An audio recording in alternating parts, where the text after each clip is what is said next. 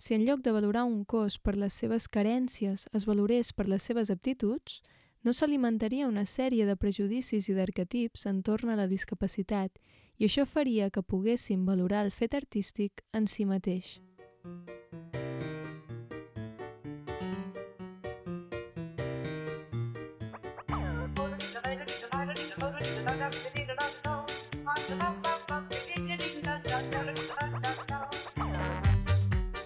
Soc la Sucena Moya i avui parlem de dansa.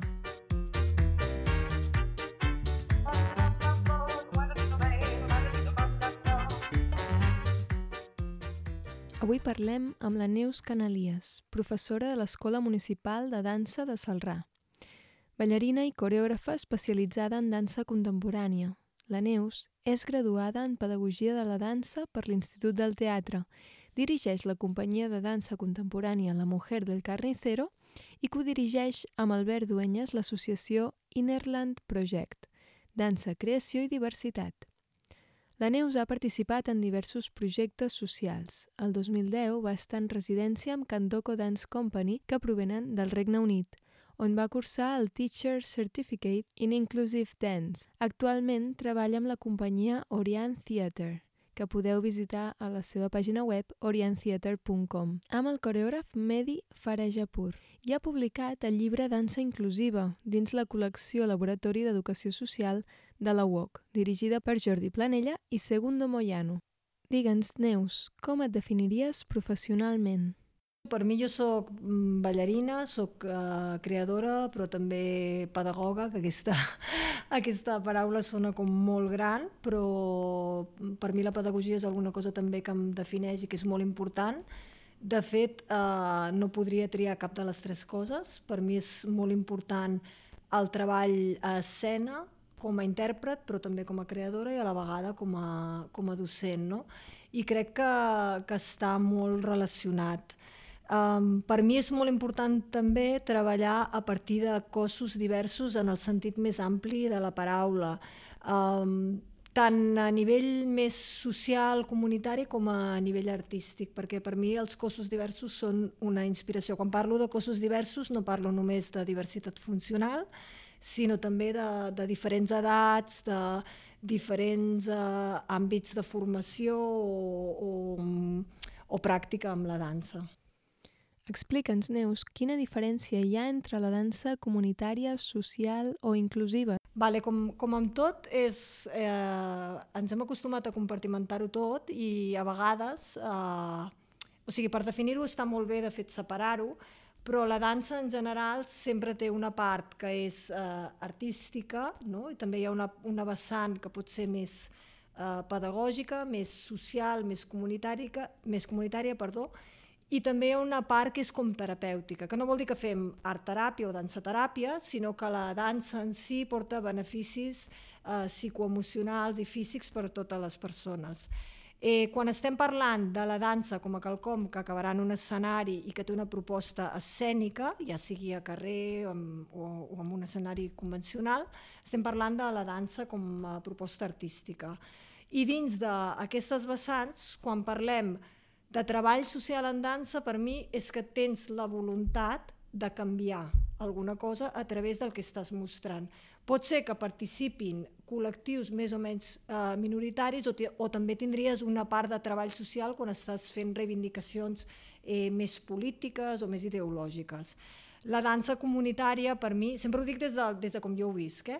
la dansa comunitària seria allò que hi ha des del seu naixement, tant ser una proposta artística com si no, té una voluntat clara de generar una comunitat i dintre d'aquesta comunitat treballar per algun canvi que, que perduri més enllà del que estàs fent amb dansa.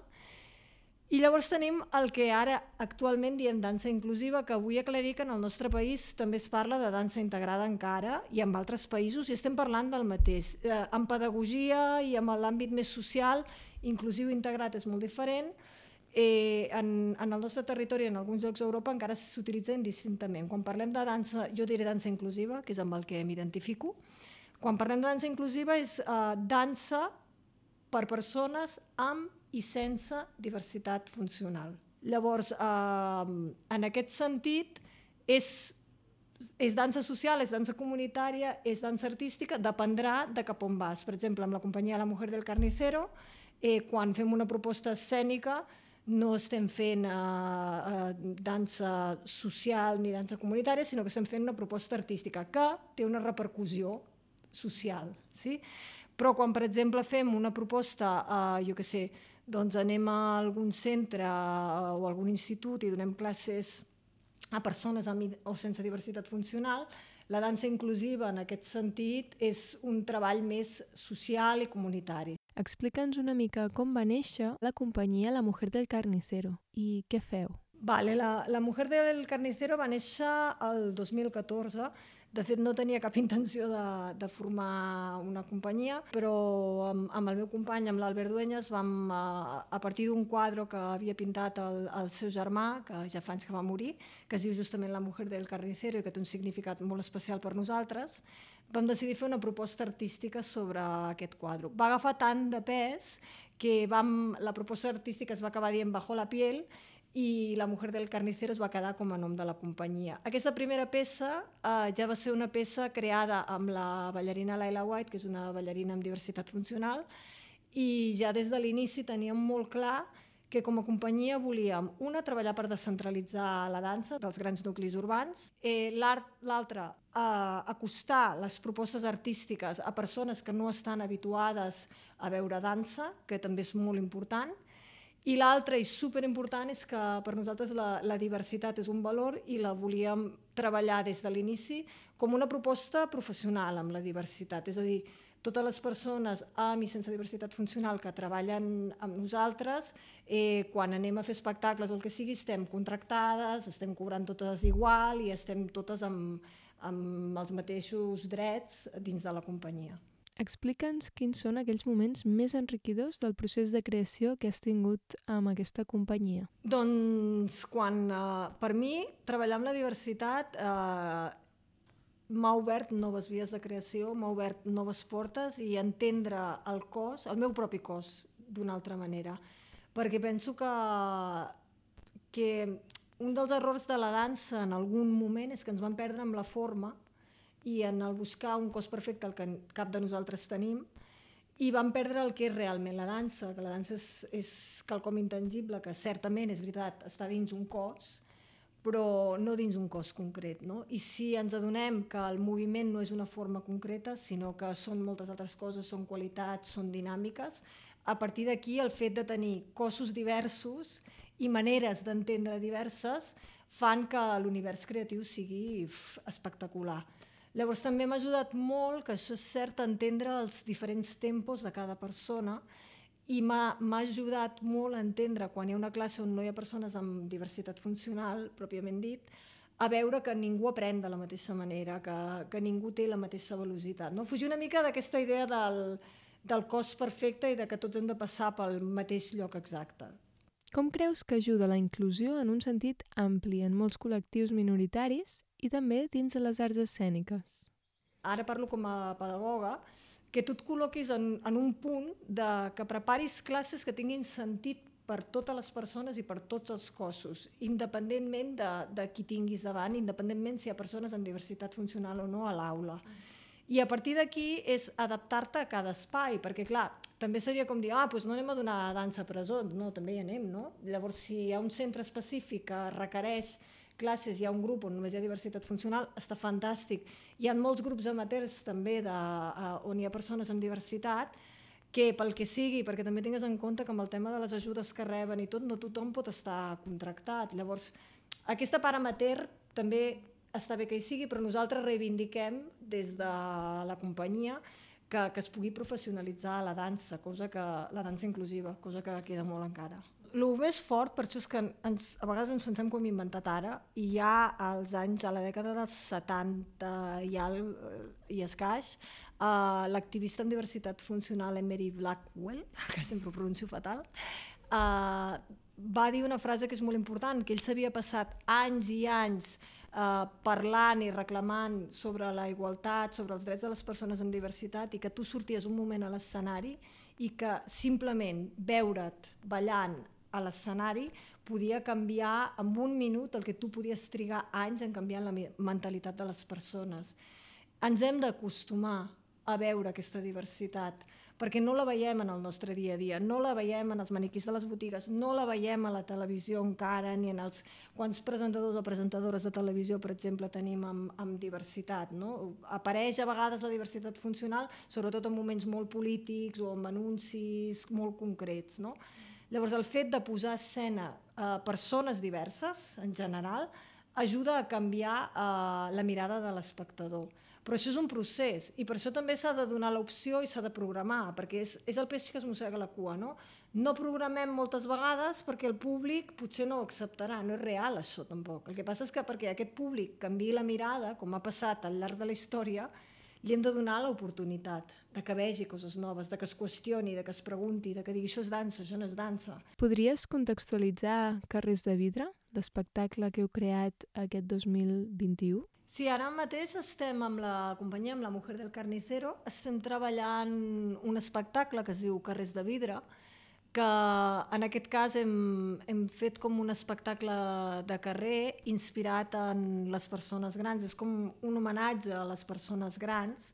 Era un projecte que tenia el calaix feia molt de temps perquè per mi la meva àvia va ser algú que em va marcar moltíssim i que tenia en ment fer-lo i durant, durant el pitjor moment de la pandèmia es van obrir les beques de la Fundació Carulla del, del 2020 que et permetien pensar un procés creatiu, no? I vaig dir, pues, ara és, és el moment de, de portar això endavant. I dins de tot el projecte, que en general el projecte gran es diu Tornar-te a veure, on fem tallers de dansa i conversa per persones grans, on, on també hem fet un documental, un vídeo de dansa documental amb gent eh, gran i no tan gran, que dic jo, hem creat aquest espectacle que es diu Carrers de Vidre, que està fet a través dels testimonis d'aquestes persones, que hi ha gent de, de Barbastro, d'Extremadura, de Girona, d'Olot, de molts llocs. Hem enregistrat les seves veus i algunes ens les enviaven per mòbil i ho hem mantingut així perquè es va fer, a l'inici es va fer durant la pandèmia i ens ho enviaven a través d'àudios gravats amb mòbils i amb les seves veus i amb les seves històries hem construït aquesta peça per tres intèrprets, on hi ha Gaia Magraner, la Raquel Viñuales i jo mateixa. En el llibre Danza Inclusiva, la Neus ens explica com a través del contact improvisació va trobar noves eines per apropar-se a la dansa inclusiva. El contact improvisation ayudó a la dominante cultura americana a construir las visiones sobre el cuerpo y sobre el self. Este define el self, el yo, en términos de la acción y la sensación del cuerpo, más que en la base de la apariencia, y promueve, por lo tanto, la tolerancia, la tolerancia entre, cuerpos, entre diversos, y diferentes rangos de habilidades. En sus inicios, el Contact Improvisation pretendía no juzgar a nadie, se trataba de compartir experiencias con el movimiento, y con otras personas. A pesar de que a partir del año 1990 esta forma de danza empezó a perder protagonismo, ha dejado un importante legado que ha hecho germinar la idea dentro de la comunidad artística internacional de que todo el mundo, dada la oportunidad, puede expresarse a través de la danza.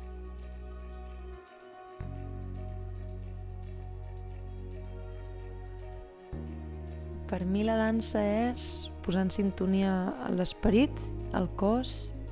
Creus que la dansa és moviment, sobretot? És una manera d'expressar els teus sentiments a través de moviments. La dansa és una gana molt grana i també una por. em dona energia i és com el, el meu canal més artístic, diria, perquè em deixo fluir, allibero la ment i només sento. I ara comença el radar de dansa.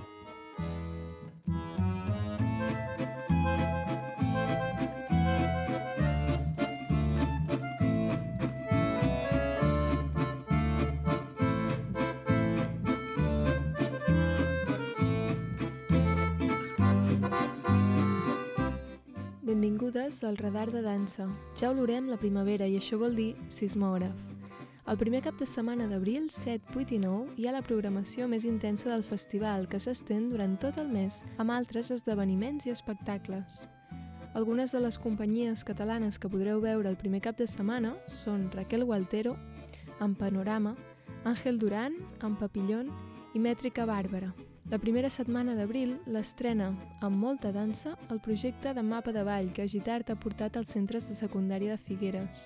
Durant els dies 5, 6, 7 i 8 d'abril podreu veure gratuïtament al Teatre Jardí de Figueres les funcions dels instituts de l'Alexandre d'Eulofeu, l'Oliva Gran, els Sandrassos, Montaner i Montoriol, que ballaran la peça Vibrar el temps de Joao Lima. Diumenge 3 d'abril, a les 12, al Teatre Municipal de Roses podreu anar a veure Silver Drops Dansa amb el seu nou espectacle Terra. El 9 d'abril, a dos quarts de nou, a l'Ateneu de Salrà, es projecta gratuïtament la pel·lícula The White Crow, una pel·lícula de Rudolf Nureyev, el ballarí de ballet clàssic més important fins aquell moment, el 1961, que viatja per primera vegada fora de la Unió Soviètica, una decisió que li canviarà el curs de la seva vida. El 23 d'abril és el Dia Mundial de la Dansa i l'Escola Municipal de Dansa de Salrà organitza diferents tallers i també espectacles de dansa. Dissabte 23, a les 7, a la plaça 1 d'octubre, podrem veure Migrare, de la Cia Maduixa. El 24 d'abril, diumenge, a les 6 de la tarda, al Teatre L'Ateneu de Salrà, podrem veure Mientras llueva, de la Cia al Traste Danza. El divendres 29 d'abril, a dos quarts de nou al Teatre Municipal al Jardí, podrem veure el Ballet de Barcelona amb el llac dels signes Tong, una revisió d'aquesta obra clàssica.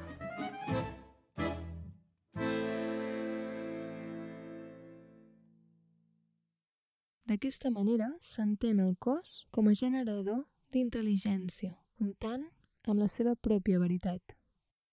Agraïments a Gitart per la gestió i producció, a la Maria Alzamora pel disseny gràfic, a l'Aram Pou per la veu i a la Neus Canalies per la seva col·laboració en aquest episodi.